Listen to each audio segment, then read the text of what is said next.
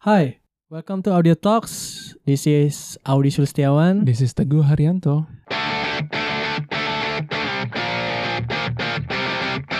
Jadi ini adalah project kedua kita. Ya semoga panjang umur sih. Eh, sebelumnya kita pernah buat podcast namanya Pandit Kantoran. Dan itu iseng. Iseng ya. Apa pun yang berbentuk iseng itu pasti tidak akan pernah panjang umur ya gue. ya. Dan kita percaya itu. Berarti kalau orang yang melahirkan nggak lupain aja. Yang Never mind, never mind, never mind. Cang- tahu Cang maksud tahu gue. maksud Cang tahu maksud Ci Ya, gimana. ya. itu nyangkut paut nyawa soalnya nggak nggak nggak cukup nggak nggak- nggak cocok untuk dicandain ya jadi ini adalah podcast kami berdua yang baru Se- eh, sebel- sebelumnya kita udah pernah buat seperti yang kita udah bilang tadi selamat datang jadi di sini kita akan membicarakan seputar olahraga Pop culture atau kultur pop mungkin menyinggung politik juga dan segala sesuatu yang kami anggap menarik. dan seru untuk dibahas lah Yoi. mungkin kucing juga akan dibahas juga Eh, tapi iya no. Ya, Kucing aja kan? bisa menimbulkan masalah buat seorang Panji Pragiwaksono, cuy. Betul sekali. Jadi janganlah terlalu sensitif ya.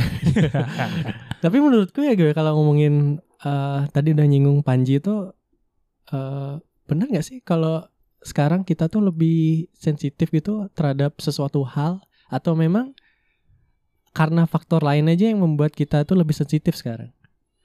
Eh, Kalau iya. kita ngomongin sebuah platform sosial media ya apa pun Heeh. itu bentuknya, Heeh. apakah itu mempengaruhi ketersinggungan seseorang atau memang karena semakin bertambahnya populasi dunia itu malah semakin orang tuh gampang tersinggung kan semakin banyak kita eh ya semakin banyak orang semakin banyak pikiran semakin banyak pikiran yang berbeda gitu loh jadi Mm-mm. semakin banyak jadinya yang berselisih paham Mm-mm. Nah kalau King ngeliatnya dari sudut pandang mana nih atau beda gitu lah ketersinggungan menurut Cang tuh yang di sekarang nih karena banyaknya ada standarisasi sih menurut Cang. standarisasi dari Contohnya gini deh gitu. Misal Mm-mm. eh, orang melihat melihat orang dianggap keren tuh kayak gimana gitu. Contoh ada case-nya kayak gitu. Jadi Hmm. ketika orang nggak nggak kayak gitu atau beda sedikit pasti bakal ada yang tersinggung gitu. Ber- Hmm. Berikut berlaku juga untuk hal-hal lainnya gitu. Mm-mm. Jadi mungkin perbedaan ya. Karena keseragaman sih kayak menurut Cang yang bikin kayaknya nih bakal banyak yang tersinggung deh itu kalau emang keseragaman ini bakal ya gitu sih. apa menurutku gini ya gue ya orang tuh perlu ditanamkan filosofi santuy atau santai ya terhadap iya, iya, iya, iya. terhadap menanggapi suatu hal tapi menurutku itu tuh tergantung dari watak seseorang nggak sih menurutmu kalau memang wataknya keras Mhm. berarti mau gimana juga susah lah. tapi kita nggak bisa gini nggak sih kok kayak uh, Hmm. menstereotipkan orang baru Iya. wataknya keras dia tuh berarti bisa kita simpulkan nggak sabaran padahal seharusnya mungkin dia keras dalam hal mengambil keputusan tapi kalau untuk uh, masalah sabar dia bisa masih sa- bisa sabar kayak gitu Iya iya benar sih. aku nggak ngerti sih itu masalah psikologi sebenarnya Iya ini juga udah susah deh. tapi kita hanya ya ngobrol biasa doang sih Eh ya selebihnya kita mungkin membahas yang lain dah juga Eh, ya semoga nih kayak tadi ku bilang semoga bertahan lama dan bisa konsisten aja sih sebenarnya kalau ngomongin hal sekarang tuh kan lagi rame ngomongin omnibus law nih gue Mm-mm. bukan lagi ngomongin sih emang udah kejadian Emang lagi sudah lagi demonstrasi lagi dan genting. betul. Kayak udah baca gak sih sebelumnya apa isi dari omnibus law tuh undang-undangnya? Eh, jujur aja menghindari berita sama berita-berita om- omnibus law ini cok termasuk unjuk rasanya termasuk Oke, menghindari ya. Cang menghindari berita itu cok Menghindari bukan berarti apatis di sini kan? enggak Cang baca cuman Cang baca dari eh dari sudut pandang yang menurut Cang itu Undang-undangnya yang bermasalah aja. bukan bukan Cang baca dari bukan dari berita Cang baca dari orang-orang yang menurut Cang kredibel cok Oke. contoh misal Cang baca dari tweetnya Zen RS Mm-mm. Terus dari sisi yang pro nih, Cang ada beberapa temen yang pro yang nge-share nge-share tentang ya tahu lah mungkin yang setuju gitu Hmm. tentang itu. Entah dia kader partai Cang juga nggak tahu. Apa dia memang uh, buzzer? anjir. Tapi nggak tahu ya. Tapi Cang keselnya sama orang yang nggak nggak taking side. Mm-mm. dia nggak nggak nentuin pilihan. Maksudnya dia netral netral aja gitu garis tengah gitu. Iya. itu yang kesel sih. Maksudnya walaupun Cing nggak ngerti paling nggak Cing taking side lah gitu. Kalau Cing dukung ya silahkan gitu. Tapi kalau emang nolak ya menurut Cang ini patut ditolak karena apa ini kan sebenarnya eh, sekali lagi menurut Cang ini lebih ke misinformasi ya Hmm. di satu sisi kayak enak banget kayak ngkritisi pemerintah aja ya kayak, Eh, kayak nggak apa-apa men. Kita ya. kayak kita tuh memang nggak harus pro terus sama pemerintah Iya, apa iya. kebijakan yang memang karena gini gue menurutku undang-undang tuh emang harus sempurna no nggak bisa nggak bisa berat sebelah dan nggak bisa cacat juga karena kan Mm-mm. ini untuk kepentingan bersama kan betul apalagi ini hidup. tentang kesejahteraan buruh kan Mm-mm. itu nggak boleh emang nggak yang namanya nggak sempurna Iya. makanya apalagi terciptanya RUU RUU Omnibus Law ini menurutku di situasi yang seperti ini dan dalam kesan eh, diam-diam atau sembunyi-sembunyi mereka mengesahnya kan jadi kan banyak sekali kayak kontroversial lah bisa dibilang. Mm. ya banyak banyak hal yang membuat eh, omnibus law ini jadi kayak memang gini gue kecurigaan ya? Betul. kecurigaan. Kalau Cang mikirnya gini dari yang Cang baca kenapa kenapa layak ditolak? Mm-mm. dari prosesnya cok. Prosesnya yang terlalu tergesa-gesa. Terus emang kalau misalkan ada, ada dua partai yang menolak mereka nggak menolak dari awal Mm-mm. jadi baru di draft akhir dia partai itu kan PKS dan Demokrat kan iya Mm-mm. terus eh, dibuatnya saat pandem- Pandemi pandemi dan disahkannya hari Sabtu kurang greget apa coba Jadi menurut Cang DPR itu udah menjalankan apa yang ada di RUU Omnibus Law dengan bekerja hari Sabtu. Semua sebenarnya kerjanya oke loh, Cuk. Dia tuh misalnya ditargetin deh. Minggu ini kelar, kelar hari Sabtu sebenarnya kan. tapi aku dengar kabar juga bahwa semua anggota DPR tuh yang ada nggak semua hadir kan Betul. ada yang hadir dalam virtual juga kan Iya, kalau iya, nggak iya. salah tapi ada memang yang nggak hadir sama sekali Mm-mm. Cuman yang yang bikin yang bikin mungkin menyulut menyulut untuk demo ini kan yang gimmicknya entah ini gimmick atau emang beneran ya Hmm. yang insiden yang orang yang mau interupsi mic-nya dimatiin. Terus yang misal ada ada misal yang kayak itu SJW dari fraksi PKS kan yang waktu mikir dimatiin itu kan Ah, PKS apa Demokrat sih eh kurang tahu sih kalau itu. Heeh, seingetku PKS sih yang dia mau bahwa dia Oh iya iya iya. mem- ah, apa beropini bahwa menyuarakan pendapatnya bahwa dia memang belum setuju terhadap Hmm. RUU ini dan tiba-tiba langsung Dimatiin. matikan ya. Gokil. Ya, sempat disinggung lagi di acara Mata Najwa Hmm. Mata Najwa kemarin kan. Iya. Nah, terus nih yang memicu lagi nih waktu konflik bukan konflik sih, demo udah pecah gitu, udah udah di depan Senayan. Yang terhormat presiden kita malah ke Kalimantan gitu. Jadi kan kesannya nih kayak ada social distancing nih antara eh, rakyat kaum buruh dan wakil wakilnya gitu. Harusnya social distancing tuh malah bagus kan tuh. Iyalah anjir. Gak, jadi maksudku eh aku sih belum baca ya semuanya dan kayak nggak mungkin Tapi aku baca Cang, semua Cang sih. mau ngasih satu pertanyaan nih. Apa itu? Menurut Ci, semua fraksi baca nggak sih di sana? Kayak enggak deh gue. Kayak enggak Buktinya buktinya memang nggak ada yang tahu gue maksud gue kayak siapa ya? Aku lupa juga. Jadi Heeh. eh mereka pun nggak tahu contohnya kayak yang poin pendidikan itu loh Heeh. yang dibilang awalnya mereka nah ini anda- ini masalah komunikasinya aja buruk banget ya. Nah, Mereka iya bilang poin pendidikan ini udah dihapus tapi nyatanya di RUU masih. masih. Dan sekarang malah ada dua versi draft katanya gue. Nah. Yang 900 halaman dan yang 1000 lebih kan. Betul. Yang kemarin sempat di muncul di kalau nggak salah di Kompas tuh ya. Heeh. Yang ada wawancara polisi dengan Oh iya iya, tahu tahu yang, Cang tuh. eh, aku lupa nama pembawa acaranya. Jadi Bapak tahu dari mana ini tuh Hoax. hoax? karena dasarnya aja nggak ada kan. Betul. Malah jawabannya Ke mana-mana ya? Muter-muter gitu. Boomer ya. Iya, jadi anchornya pun sampai senyum-senyum sendiri gitu. Cuman balik lagi dari semua itu Cang nggak tahu Hotman Paris nih baca yang mana coy ya. Mm. Cang lihat di postingannya dia sih udah ini nih duit nih. Ntar kalau ada klien yang nanya saya harus tahu ini. Nah dia berarti udah baca kan. Iya. Cuman saya nggak tahu itu dia baca yang versi yang mana. Cuman kalau disimpulin dari kejadian yang udah ada ini kan sebenarnya perang dalam tanda kutip informasi, Cok. Hmm. Satu sisi stakeholder stakeholder nggak bisa ngasih informasi yang clear. Ini loh tujuannya, ini loh filenya, ini yang udah ditandatangani.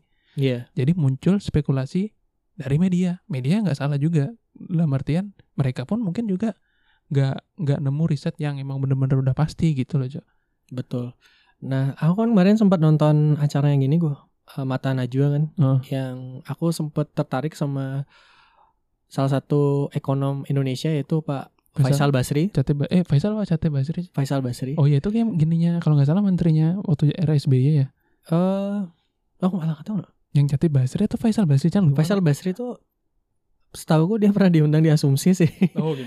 Eh, wawancara sama Pangeran, Bang Pangeran. Eh, jadi ini kan menarik gue. Mm-mm. Jadi ketua badan legis, legis- legislatif eh, kita tuh kan bilang kan URU ini juga bagus untuk menerap apa namanya menyerap lapangan pekerjaan dibilang kan karena Nah, investment atau investor dari luar tuh akan da- sebisa mungkin datang ke Indonesia gitu kan sebanyak banyak Iya. mungkin kurang lebih begitu ya. mm-mm. Terus Bapak Faisal Basri ini bilang bahwa Bapak Faisal Basri apa yang lagi satunya aku lupa ya acaranya udah lama juga. Nah, dibilang itu investasi kita tuh sebenarnya nggak bermasalah gue, Oh gitu. nggak bermasalah. Seingatku dalam acara itu Mm-mm. bahwa di tahun 2019 pun keuntungan dari investasi itu kurang lebih ya 800 triliun gue yang masuk gue. Oke. Itu kan jumlahnya banyak banget kan dibanding di tahun 2010 ya. Oh. Itu katanya cuma 200-an triliun gue. Hmm. Nah. Jadi sebenarnya nggak ada masalah. nggak ada masalah untuk investasi cuman mengapa dampaknya itu dari investasi besar jumlah besar itu mengapa dampaknya itu nggak Nggak. sekerasa sama sampai buruh dan masih banyak pun juga bawa pengangguran itu loh orang yang belum bekerja Hmm. juga gitu Angkatan kerja yang belum dapat kerja. betul intinya belum kerasa dampaknya untuk ke buruh dan pekerja lainnya Hmm. gitu Nah, jadi dia menyimpulkan bahwa sebenarnya yang salah tuh sistem dari itunya, bukan dari investnya. Ah, sebenarnya investasinya itu atau ya masalah investasi itu nggak pernah ada masalah. Oke. Heeh, di situ masalahnya katanya sebenarnya. Ibaratkan sebenarnya ini tuh mancingnya di kolam yang bener, tapi mungkin umpannya salah. Jadi Iya. dapatnya nggak maksimal, mungkin gitu ya.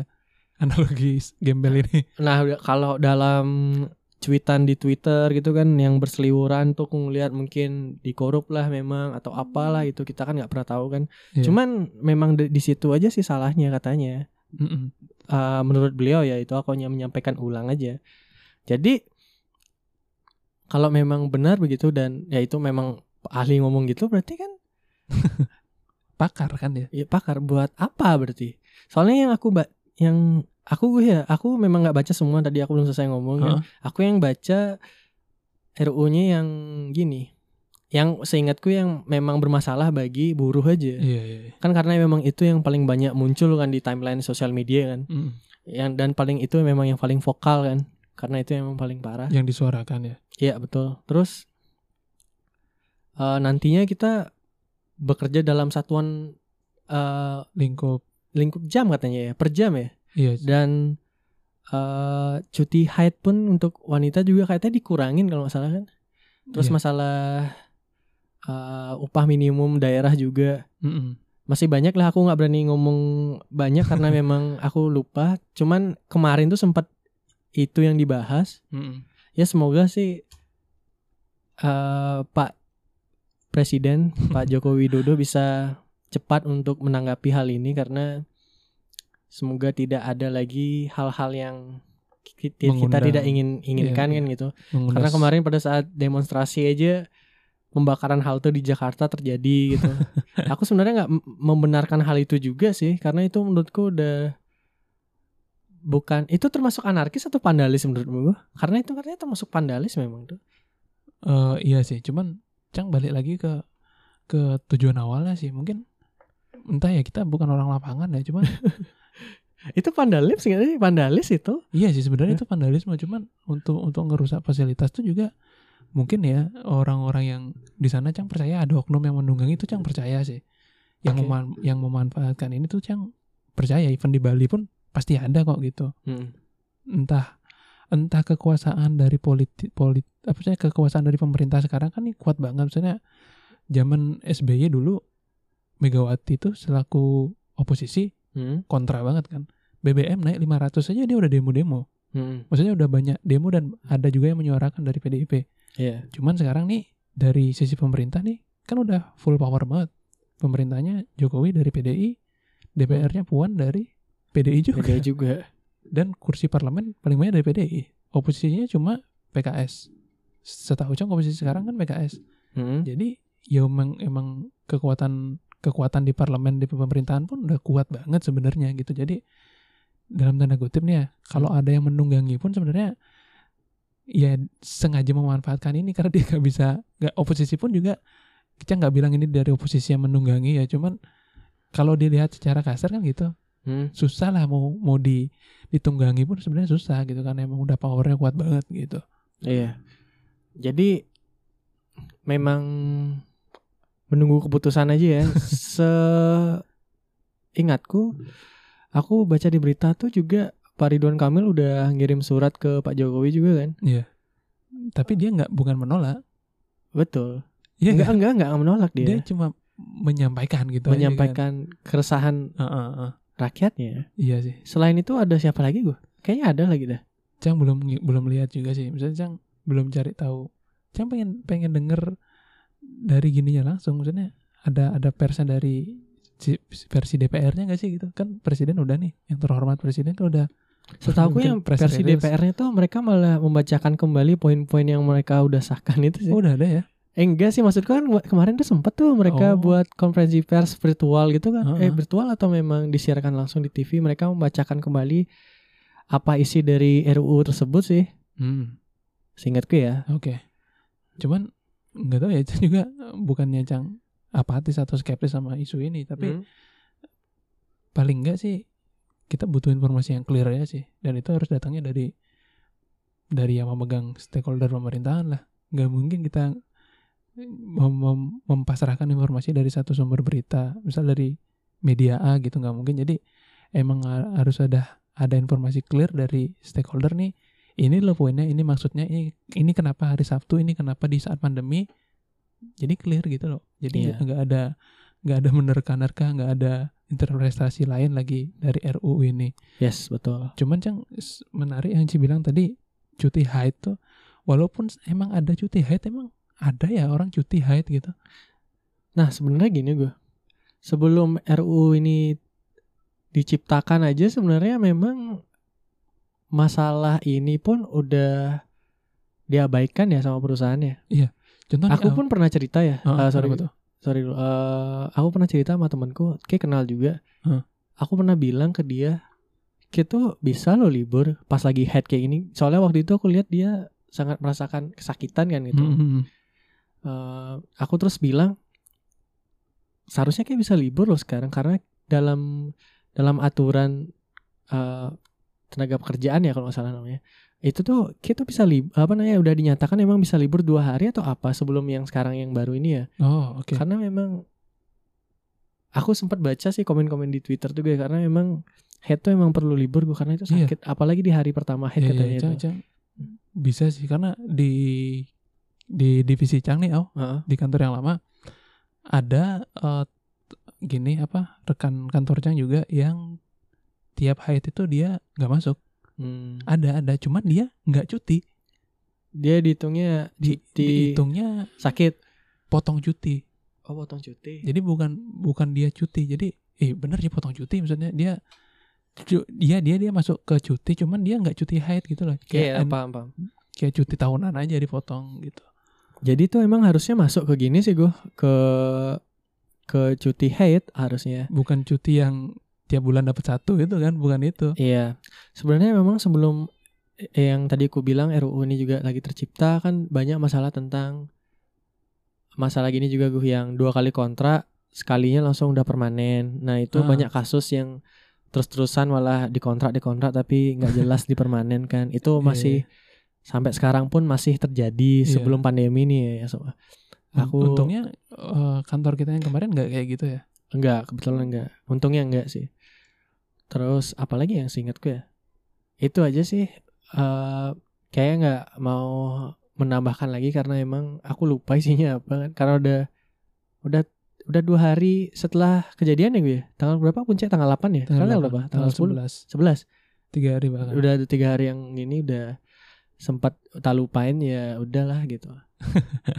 Terus kalau masih nyangkut eh pemerintahan politik dan lain tuh kemarin juga sempat rame masalah pilpres di Amerika gue Oh, gokil itu cuy. Trump dan Joe Biden Emang, memang eh memang Trump memang kelihatannya memang gini ya gue ya kayak antagonis gitu ya dan iya, iya. apalagi yang mereka yang dia perjuangkan dan suarakan tuh memang benar-benar yang sangat berlawanan banget dari apa yang perjuangkan harusnya kan. Iya. Contoh kayak Proud Boys itu yang Nah, dia iya, dia, dia dia gini kan. Dia itu kan.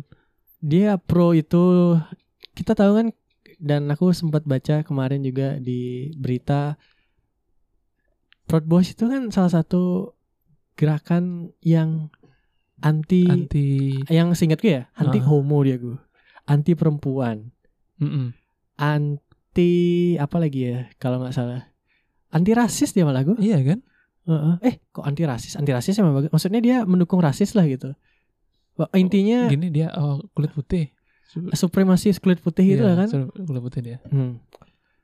Jadi ini menarik ya. Eh, aku dulu punya gini gue punya Apa pengalaman tentang Trump nih ya. Heeh. Waktu itu Trump baru-baru dilantik jadi presiden kan. Heeh. Waktu itu aku masih kerja di Tourdes nih gue. Heeh. Masih eh, di Pano juga kan. Eh, aku ketemu tamu tamu Amerika juga. Iya. Tapi nggak kelihatan Amerika banget karena ada campuran Asia juga. Tapi emang di- dia tinggal di Amerika kan dan dia Hmm, punya oke. hak pilih kan. Eh, aku sempat ngomongin tentang Trump kemenangan Trump kan lawan Hillary Clinton waktu itu kan Mm-mm, lawannya betul. kan. Cang boleh tebak se- sesuatu nggak? Kenapa tuh? Pasti dia nggak nyangka ya kalau Trump yang menang ya. Enggak gue. Malah dia pro Trump cok. Oh dia pro malah. Pro Trump nih Anjir. cok. Kan gini aku nanya ini gue. Karena kan eh, waktu itu aku juga nggak terlalu mengikuti politik ya. Heeh. Ah, cuman waktu itu rame karena Trump nih be- maksudnya beda banget lah nggak ada yang nyangka Hmm. bahwa dia menang kan terus aku sempat singgung cerita kan pada saat ah, dia datang ke mejaku ke tur, eh, tour deskku Heeh. eh, per- Trump jadi presiden gitu gimana pendapatmu tentang dia gitu kayaknya di media tuh citranya negatif aja gitu dia malah bilang gini gue Kenapa? bagus malah Oh, gitu. karena Trump itu terkenal dia tuh nggak suka orang imigran tuh masuk ke negara ke negaranya Iya, gua. iya betul betul. betul kan Betul. dia tuh juga kebetulan nggak suka sih orang karena dia bandingin sama zamannya Obama ya Hmm. Obama tuh kan memang pada saat itu memang siapa pun bisa gini kan masuk imigran jadi warga negara tetap nah kalau Trump tuh lebih ketat katanya dan Betul. katanya malah ancaman terbesar Amerika tuh dari situ emang gue karena Hmm. terlalu gampang masuknya orang asing. orang asing luar itu jadi gini kata dia tuh bilang gitu gue malah bagus malah gitu Oh oke. Nggak aku nggak nggak tahu kenapa mungkin alasan itu yang membuat mereka dia terpilih ya atau gimana cuman aku aku kaget dengar dengar alasannya karena aku kira dia tuh sependapat dengan apa yang diberitakan gitu bahwa Hmm. Trump tuh seperti ini seperti yang diberitakan maksudku Tapi gini sih, oh, tapi Apa? Cang, Cang menurut Cang ya, Huh? menurut Cang Trump ini nasionalis, no? Heeh. Dia dia mungkin membela apa yang dia percaya untuk kepentingan negaranya, kan dia, jargonnya dia kan make America USA great again kan. Hmm. Tapi mungkin eh, caranya dia itu mungkin jadi ancaman buat negara lain. Hmm. Itu sih yang yang di framing media menurut Cang entah entah ini ini asumsi Cang pribadi ya. Hmm. Jadi kesannya eh, seolah-olah nih media nih membuat framing tentang Trump ini nggak seperti itu gitu loh, Cak. Padahal Hmm. padahal yang dia yang dia lakuin itu sebenarnya ya untuk buat Amerika great again gitu. menarik karena kemarin sempat positif corona kan dan sekarang udah sembuh. Gokil. masuk ke rumah sakit militer atau yang nggak salah sempat tertunda jadi untuk Debat debat, ya. pilpresnya kan jadi menarik sih memang sih yang debat pilpres pertama tuh nggak nggak aku tonton sih cuman karena aku baca dalam rangkuman di berita Hmm. katanya cha- chaotic gitu Chaos tag-nya. kayaknya memang seru aja sih untuk dilihat kayak yang next tuh kayak aku pengen nonton deh. Ya, tapi gini oh, apa? Menurut Ci dia kena corona nih menguntungkan apa enggak? Sih? dalam sudut pandangku nih. Dalam dalam pilpres dalam pilpres nih. Hmm. Menarik sih karena dia salah satu orang yang nggak percaya dengan corona ya bisa Iya. dibilang ya. Menurut Cang ini menguntungkan oh. Kalau menurut Cang Hmm, gimana tuh? Dari sisinya dia. Jadi ada kesannya eh, dia nih bisa dapat suara dari orang-orang yang awalnya benci dari dia gara-gara corona ini gitu. oke Make sense gak sih? Ini ini pendapat Cang ya. Jadi aku belum belum gini ya jadi mungkin gini, gimana dari orang-orang yang awalnya nggak suka sama Trump nih, Heeh, gara-gara dia nggak percaya corona, sedangkan kasus di Amerika udah tinggi, heeh. sekarang bertolak belakang. Dia se se apa ya sepenanggungan lah, sama-sama kena nih gitu, sama-sama pernah kena gitu mungkin. Heeh. Jadi ada kesan dia, oh dia udah percaya nih sama corona gitu. Dia udah udah udah ngerasain sendiri. Ntar pasti dia bakal take ngelakuin sesuatu untuk corona gitu. Hmm. Entah entah ini bener atau enggak ya, cuman menurut saya ini ngun- ngun- menguntungkan untuk Trump sih. menarik sih ya kita nantikan saja debat pilpres yang kedua antara Donald Trump dan Joe, Biden. chapter 2 eh Kalau gini selain apa pilpres Amerika, apa itu Cing ngikutin pilkada di Bali gak sih? Cak? Em, Kan lagi musim pilkada, bakal ada pilkada nih sebenarnya. iya yang terakhir nih sih kan Badung juga akan Kamu- memilih bupatinya lagi kan karena aku tinggal di Kabupaten Badung nih Yoi. tercinta sampai saat ini katanya belum ada posisi dari pertahanan Bapak Giri Prasta ya sehingga Betul setahu sekali. Emang dan itu emang kayaknya kuat. bakal langsung periode, dua periode deh udah aklamasi aja lah udah. Iya Betul. betul. betul. buang-buang duit dah untuk pilkada. Karena aku sempat cerita-cerita sama bapak-bapak lokal kan waktu Asik. aku masih tinggal di eh, maksudnya pas di Ubud Ah, obrolan bapak-bapak. obrolan bapak-bapak gitu. Jadi katanya emang eh rumornya itu emang nggak ada gue Hmm, dan langsung naik katanya karena emang susah. Susah susah. Kita tahu sendiri bahwa PDIP itu kental, sangat kental di Bali, sangat romantika banget hubungannya kan. Iya iya. Apa pun tuh pasti PDIP di sini. Iya udah. Iya betul. Betul. Terus eh Giri Prasto menurutku sama sih kok kayak dia tuh kayak lebih fokus ke infrastruktur deh gue. Ceng kalau Bupati Badung kayaknya agak nggak berani berpendapat deh, Cok. Eh, jadi ya kurang lebih aku ngikutin itu sih dan menarik sih di nanti apa memang langsung Aklamasi. aklamasi atau Ada Ah, oposisi. betul kita tunggu saja. Itu pil, eh, pilkadanya kan nanti tanggal 9 Desember ya kalau salah ya. Iya iya. Desember lah. Tapi kalau ngomongin Giri Prasta kan dia identitasnya tuh gini kan, bupati gitu. Iya. Udah nggak ada lawan gitu. Heeh. Kalau nyambungin sedikit tentang identitas menurut sih sekarang penting gak sih, Cok? identitas. Heeh. Oh yes, eh, nggak tahu gue ya sebenarnya. Aku pun termasuk salah satu krisis identitas sebagai apa ya Nah, sebagai ini, ini seru nih, seru nih. gini sih gini. Eh, mungkin dari aku dulu mungkin sebenarnya kayak sama juga kasusnya tuh. Mm-mm. Nah, kalau mau identitas, identitas itu artinya kan tanda pengenal kan. Iya, Siapa diri oh, kita. Orang taunya siapa? gitu. Siapa kita? Yang pasti orang harus tahu siapa nama kita kan. Paling enggak. Selain nama kan ya itu di mana intinya identitas lah apalah Iya, gitu yang ber- berhubungan dengan tempat tinggal dan hal sebagainya. Jadi ini ada cerita menarik gue. Mungkin teman-teman yang relate juga pasti merasakan ya Hmm. yang sama gitu kayak aku. Aku kan orang sebenarnya aku kan orang merantau gue. Emang aku orang Bali tapi orang merantau kan. Oke. Ci bisa ceritain dikit nggak? Ci itu dari mana ke mana merantaunya? Eh sebenarnya bukan aku sih sebenarnya Orang tua. orang tua aku kan itu. Karena aku emang baru lahir dari sini tiba-tiba langsung. iya, iya. bukan aku yang menentukan kan. Jadi aku kan aslinya itu Buleleng gue. Oke. Buleleng Bengkale lah bilang. Kalau teman-teman tahu tuh Bengkale tuh desa orang yang terkenalnya desa Kolo lah banyak yang Kolo kan. Tapi sebenarnya bukan di situnya aku tinggal karena itu beda Banjar lagi istilah gue. Hmm, oke. Aku di Banjar yang beda dan Bengkale tuh termasuk desa yang tua loh di di Buleleng tuh gue. Masa? Iya betul udah desa yang bener-bener lama banget lah udah tuh. Oke. Mm-mm. Waktu ini ya kata saudaraku baru ditemukan candi atau prasasti lagi tuh di di sungainya. Hmm. Baru-baru waktu aku sempat mandi ke sungai gitu lah. Sebenarnya nggak mandi sih cuma ngeliat aja. Nggak biasa aku cok. nah aku kan dari situ kan. Cuman aku tuh besar dan ya emang tumbuh besar tuh di Badung yuk. Tepatnya di Jim- Jimbaran. Jimbaran. Nah, selama selama ini tuh aku emang lebih tinggal di Jimbaran, tapi Hmm. kan memang as, as, asal muasalku emang dari si Buleleng kan. Iya.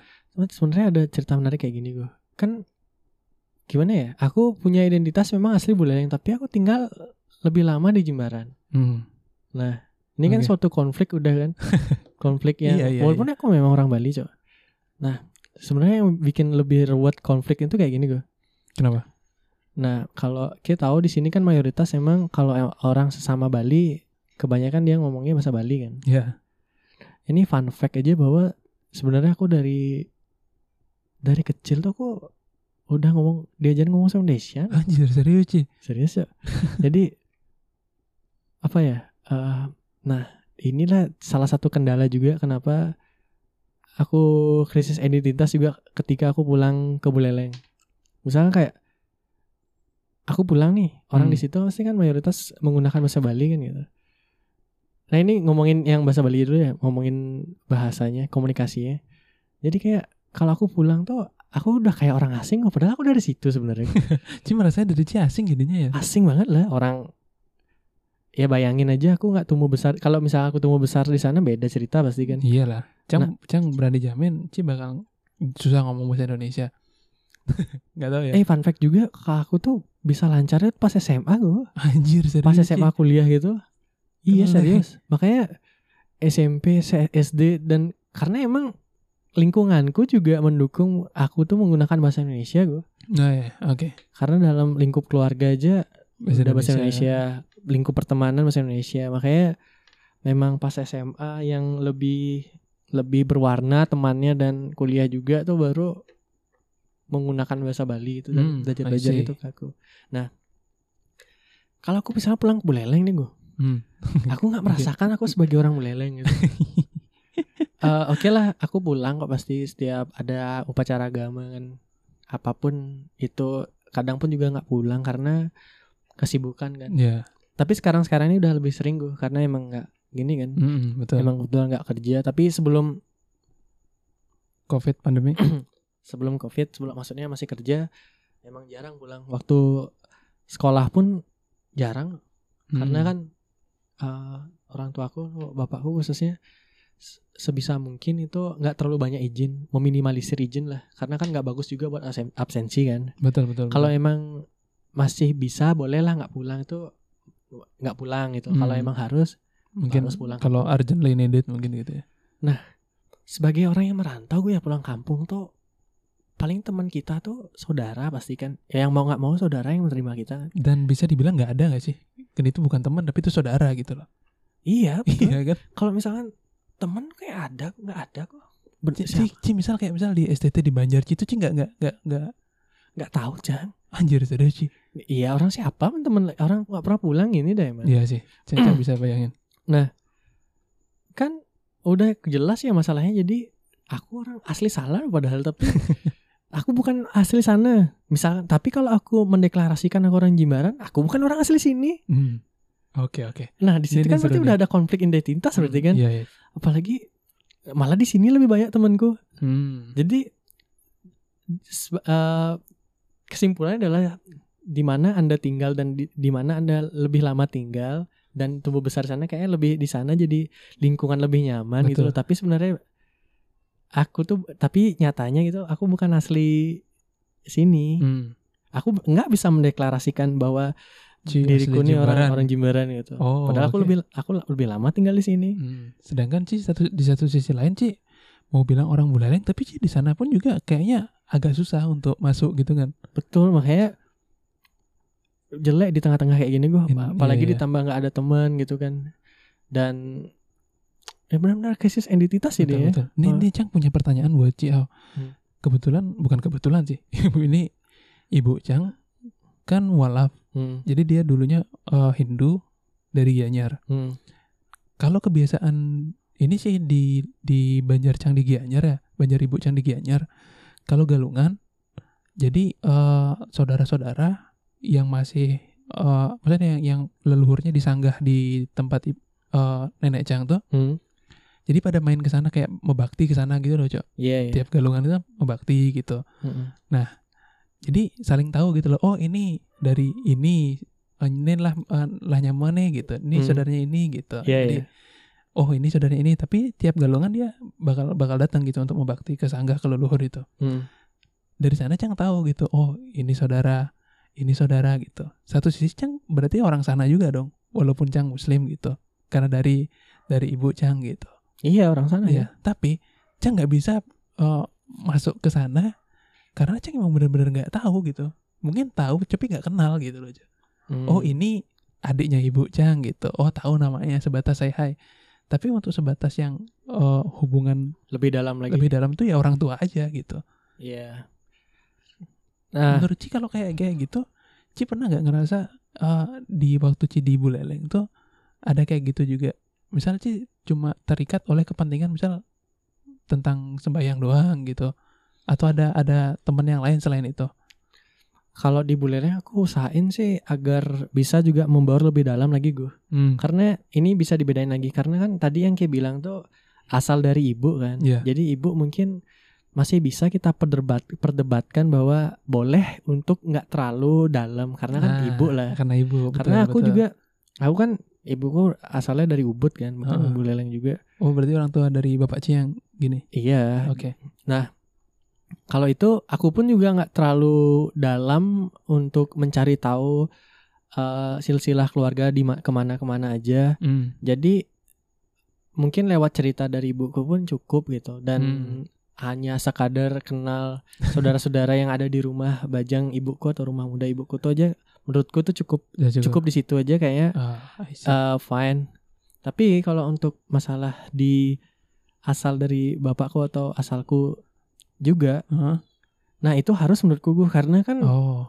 next generationnya aku gue yang Ya, melanjutkan dari ini kan aku. Karena di Bali lebih Itu dominan mau- cowok ya. Betul. Mau nggak mau harus aku yang harus memang harus untuk serah terima. Serah terima dan memang harus tahu siapa ini dan ini siapa siapa Nah, ini walaupun kamu menolak atau apa memang harus tahu ini siapa nanti kalau sama ini sama ini kalau berhubung apa kalau mau cari tahu ini sama ini sama ini sama ini Ya, gitu iba- ibarat kan nih kayak kayak eh ibarat kan roda pemerintahan nih one day bakal pindah ke Ci dan mau nggak mau udah harus siap menjalankan itu kan. iya estafet itu Estafet memang itu. harus harus harus siap gitu aku Ah. ambil makanya eh, makanya tadi yang aku bilang masih bisa diperdebatkan gitu. Hmm. Eh, masalah Oke, asal oke, dari paham, ibu dan paham. ayah itu makanya kalau ayah emang harus sih gue Hmm. makanya I see. Harus aku bisa jadi Tapi itu tantangan juga buat ya. tantangan karena secara geografis ya Ah. kita tahu Jimbaran dan eh, itu utara dan selatan. utara ya. dan selatan kan jadi aku akui bahwa aku nggak terlalu sering pulang juga kan kecuali pada saat ini aja deh, karena emang banyak waktu luang Ah, oke. eh kalau Ki ingin tahu asal usulku lagi gue malah sebenarnya aku tuh punya dua tiga kampung lah bisa dibilang gue Satu lagi mana? Satu lagi di Kintamani Ah, nah itu cerita beda lagi nah ini masalah identitas lagi aku lebih banyak lagi masalahnya gitu. karena ribet ya. kakekku ini kan merantau dia Hmm. yang dasi Buleleng nih ke Kintamani Oke. nah di situ dia nikah Hmm. di situ dia eh buat rumah Hmm. dan di Menetap. situ akhirnya menetap nah mau gak mau kan aku pulang ke sini gue Hmm. belum lagi pulang ke Buleleng tempat yang utama tapi utamanya tetap Buleleng ini sih Karena apa ya istilahnya kayak dari bapak tadi itu kan. betul karena aku di sini juga udah istilahnya mau banjar gue di Kintamani ini Oh, Ci mau banjir juga. betul Oh, oke. makanya aku krisis identitas di kalau di. Jimbaran aku aku bilang enggak sih. Enggak ya. lah ya, Cuman aku bukan besar. asli sini gitu. loh. Nah, Nah, itu masalahnya. Nah, di dua tempat dan memang jaraknya yang tidak sangat apa harmonis ini nggak strategis banget makanya kendalaku untuk mengenal lebih dalam tuh memang kadang eh, Iya belum cukup gitu belum, loh. Belum, belum. Makanya belum cukup hanya untuk menanya nanya sama bapakku langsung gitu. Paling nggak sih harus minimal sebulan di sana lah. Bahkan setahun Kurang. mungkin gue. Setahun mungkin. setahun lah harus mungkin kayaknya mungkin teman-teman yang kayak aku banyak sih teman-teman aku ya banyak di perumahanku nih banyak teman-teman yang kayak gitu Eh, mereka kadang ngeluh juga Hmm. dikit temennya eh, Sepenanggungan lah ya. krisis ide- identitas juga padahal mereka di sana tapi kayak orang asing merasa jadi sebenarnya mirip lah mah cerita Ki juga nih Hmm. kan Ki sebagai orang luar kan Betul. yang asli luar. Malang iya. kayak born and rise gitu di Bali. di Bali dari lahir kan akte ke Denpasar lahirnya apa gimana Akte Cang Denpasar, Denpasar ya tapi KTP Cang Malang, Cok. oh ada memang malah Karena gini, dulu waktu Cang lahir, Heeh. KTP orang tua Cang tuh masih KTP Malang, Cok. oh Jadi Cang baru ngerubah akte. tapi nih, gitu. dalam dalam tempat tempat lahir itu Denpasar berarti kan di bukan akte Malang iya, kan? Di akte iya. Iya berarti kan kayak memang lahir di Denpasar kan Iya, iya. dan besar tumbuh Ja- besar di Ci tahu nggak, Cok? Di depan Polresta Pol Poltabes Denpasar tuh ada Kimia Farma, sebelahnya ada bidan. Nah, di sana ada. oh oke oke nah jadi kan Penting sebenarnya sebenarnya oke nggak aku lanjutin sebenarnya kan sebenarnya kasus kita tuh beda eh, mirip, Mirip, tapi eh, hanya secara geografisnya aja yang berbeda kan Betul. karena Ki lebih jauh dan kebetulan Ki juga yang minor sini kan Iya, iya, iya. jadi mungkin Ki punya sudut pandang yang beda lagi terhadap krisis identitas ini bahkan aku pun menilai Ki itu memang bukan orang Jawa menurutku Suku- sorry aku nyebut suku ya Iya, tapi nggak masalah, masalah. eh aku aku melihatnya kayak, kayak orang asli sini udah cok aku berani garanti tuh berani jawabin pasti teman-teman yang lain juga menilai gitu Iya, iya. Cang Cang udah beberapa teman bahkan banyak sih yang kayak Ci bilang tadi. Cuman yang Cang kadang bingung sendiri tuh gini, Al. apa Di satu sisi Cang pengen lah punya pulang kampung beneran gitu ya. Dalam tanda kutip. maksudnya ke Malang Iya, pulang kampung bener. Cang tahun baru, eh tahun baru lagi apa namanya? Lebaran tuh mudik, iya mudik gitu ke ke rumah ke rumah tua gitu. oh. Dan di sana karena kebetulan apa eh, kakek nenek udah nggak ada semua, jadi Hmm. kita cuma ke rumah saudara-saudara aja gitu kan. Tapi Cang ngerasa di sana Cang bukan orang sana. Karena Cang nggak pernah tinggal di sana sama sekali. Hmm. Jadi no one yang Cang tahu selain saudara gitu. Iya. Habis itu ketika Cang di Bali, Cang dianggapnya orang sana. Hmm. Jadi kan ini tuh Cang gimana bilangnya gitu loh, Cok. Ngerti gak maksudnya? Saya mirip, I mirip, feel mirip. you bro Yo, iya. bener orang kasus kita mirip sebenarnya Mm-mm. Jadi mungkin kalau Cang bilang Cang tuh pulang kampung? Gak juga men. Cang jalan-jalan aja mungkin ya Karena silaturahmi. tidak merasa di rumah iya namanya orang padahal sebenarnya emang itu rumahmu harusnya. Eh, sebenarnya iya. Harusnya bahkan. Harusnya. Cuman Cang nggak ngerasa secara lingkungan itu Cang ada di sana sebagai rumah gitu loh. Jadi- malah sebagai tamu yang tamu yang liburan bahkan kan? kamu anjir bener anjir. Jadi Betul, nggak tahu ya. Nggak tahu ya mungkin ini eh, asumsi Cang sendiri. Jadi eh mungkin di- bisa dibilang ngaku-ngaku ya dibilang Cang ngaku-ngaku orang Malang Cang nggak bisa juga bahasa Jawa yang bener Cok. Hmm. malah Cang bisanya bahasa Bali gitu iya sih Iya. jadi Cang berusaha untuk embrace di sana maksudnya untuk ngeblend di sana tuh Hmm. ada gapnya gitu loh iya Cang ngerti orang ngomong apa tapi Cang mau ngomong ini takut ini bener gak sih ngomongnya gitu Heeh. Eh kayak gitu. Jadi malah Cang ngerasa Cang kayaknya lebih cocok dibilang orang Bali deh, tapi Cang bukan orang Bali bukan orang Bali. Gimana nih? nah Ada menurut Cang gini, apa selain identitas daerah asal, mungkin ya ya itu memang udah takdir ya kita nggak bisa milih dari mana. Tapi ada identitas yang lain yang kayak ini mulai dewasa ini kayaknya orang-orang lagi nyari-nyari nih Hmm. atau mungkin di di usia kita yang di seperempat abad mungkin yang mencari masih jat- jati diri Yoi.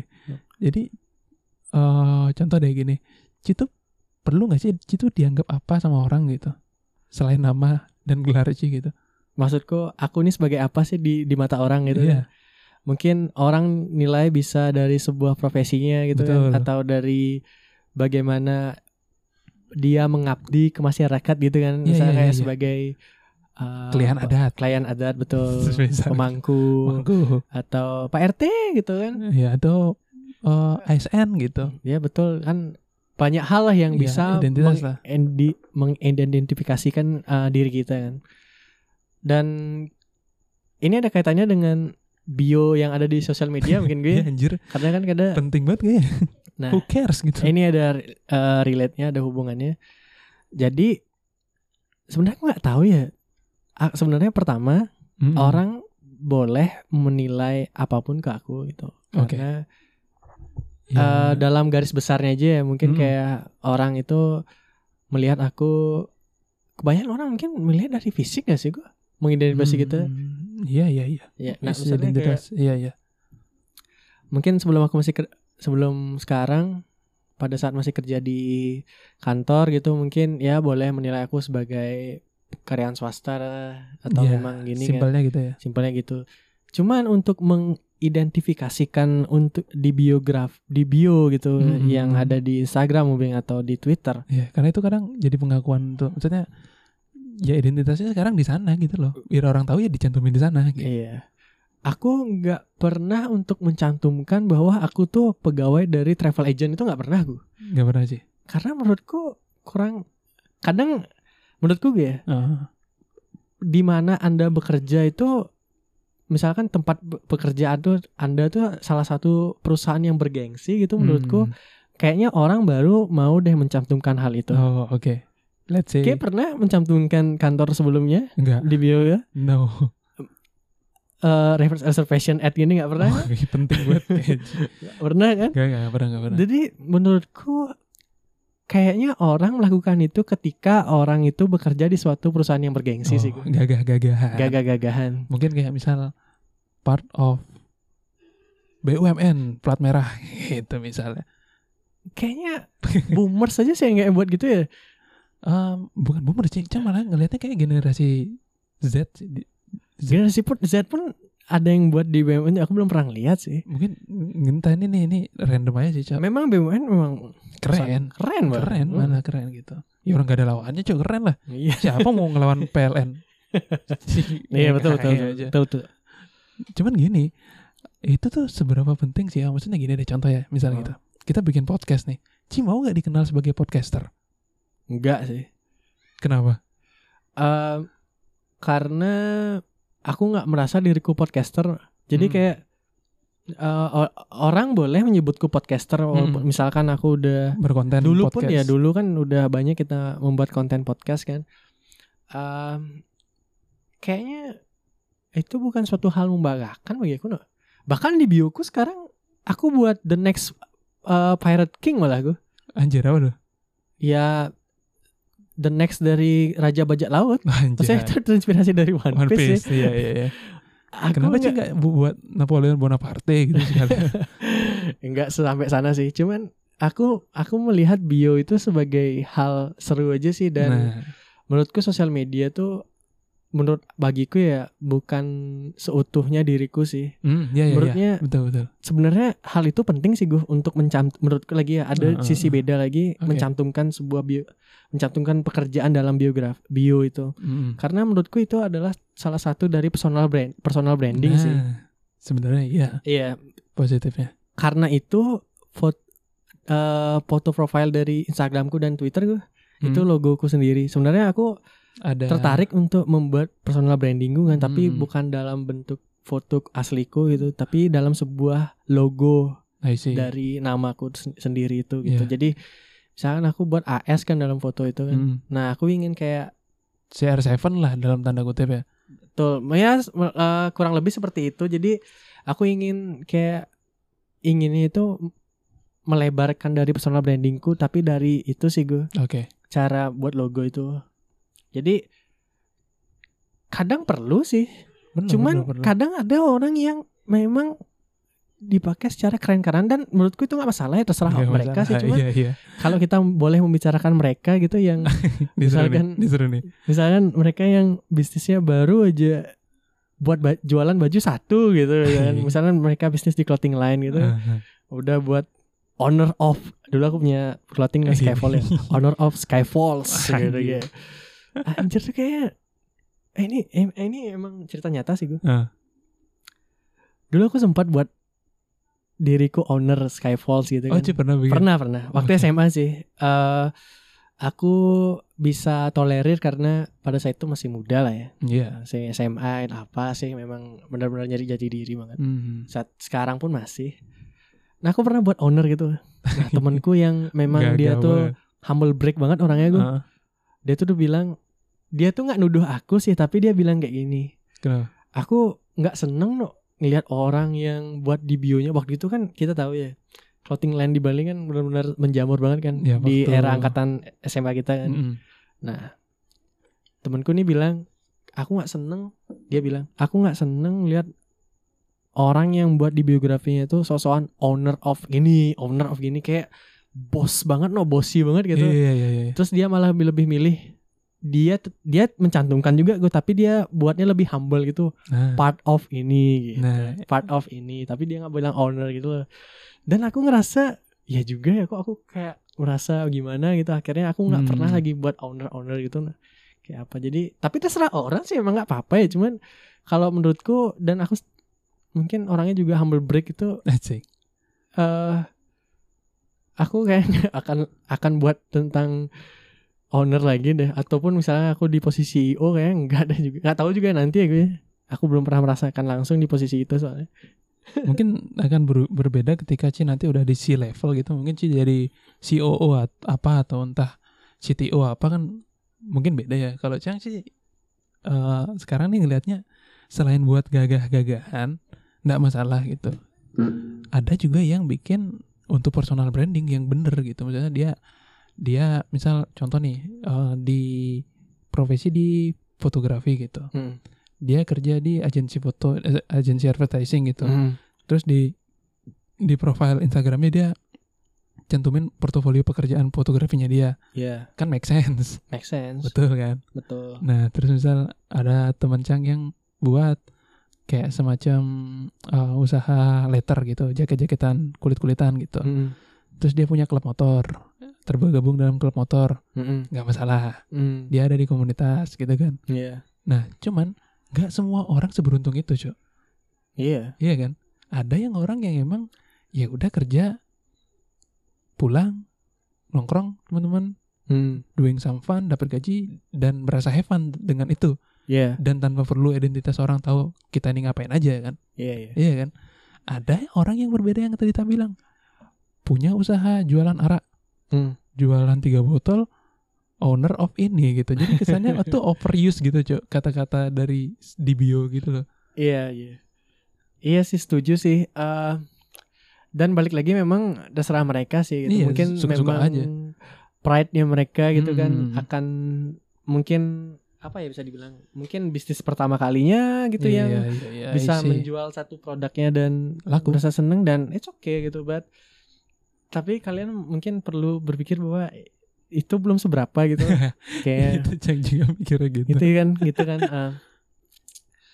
Ah, kompleks sih memang kalau kita ngomongin identitas diri gitu ya Hmm. Ah, kayak yang tadi kita bilang masalah kita asal muasal dari mana tapi kita merasa orang asing terus masalah personal branding juga Hmm. dan hal lain sebagainya menurutku sih memang pilihan pribadi masing-masingnya sih mau mereka mau personal branding mereka kayak apa dan mau mereka mengidentifikasi diri mereka seperti apa itu sebenarnya terserah Iya, kembali ke diri aja kembali sih ke diri.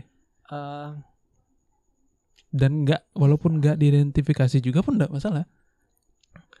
Iya kan? no name gitu ya No name maksudnya. triple X eh Mr. X gitu ya Iya maksudnya itu kan nama perlu lah. Dia no name perlu, itu kan Anjir. dia nggak perlu mencantumkan dirinya dia siapa gitu loh.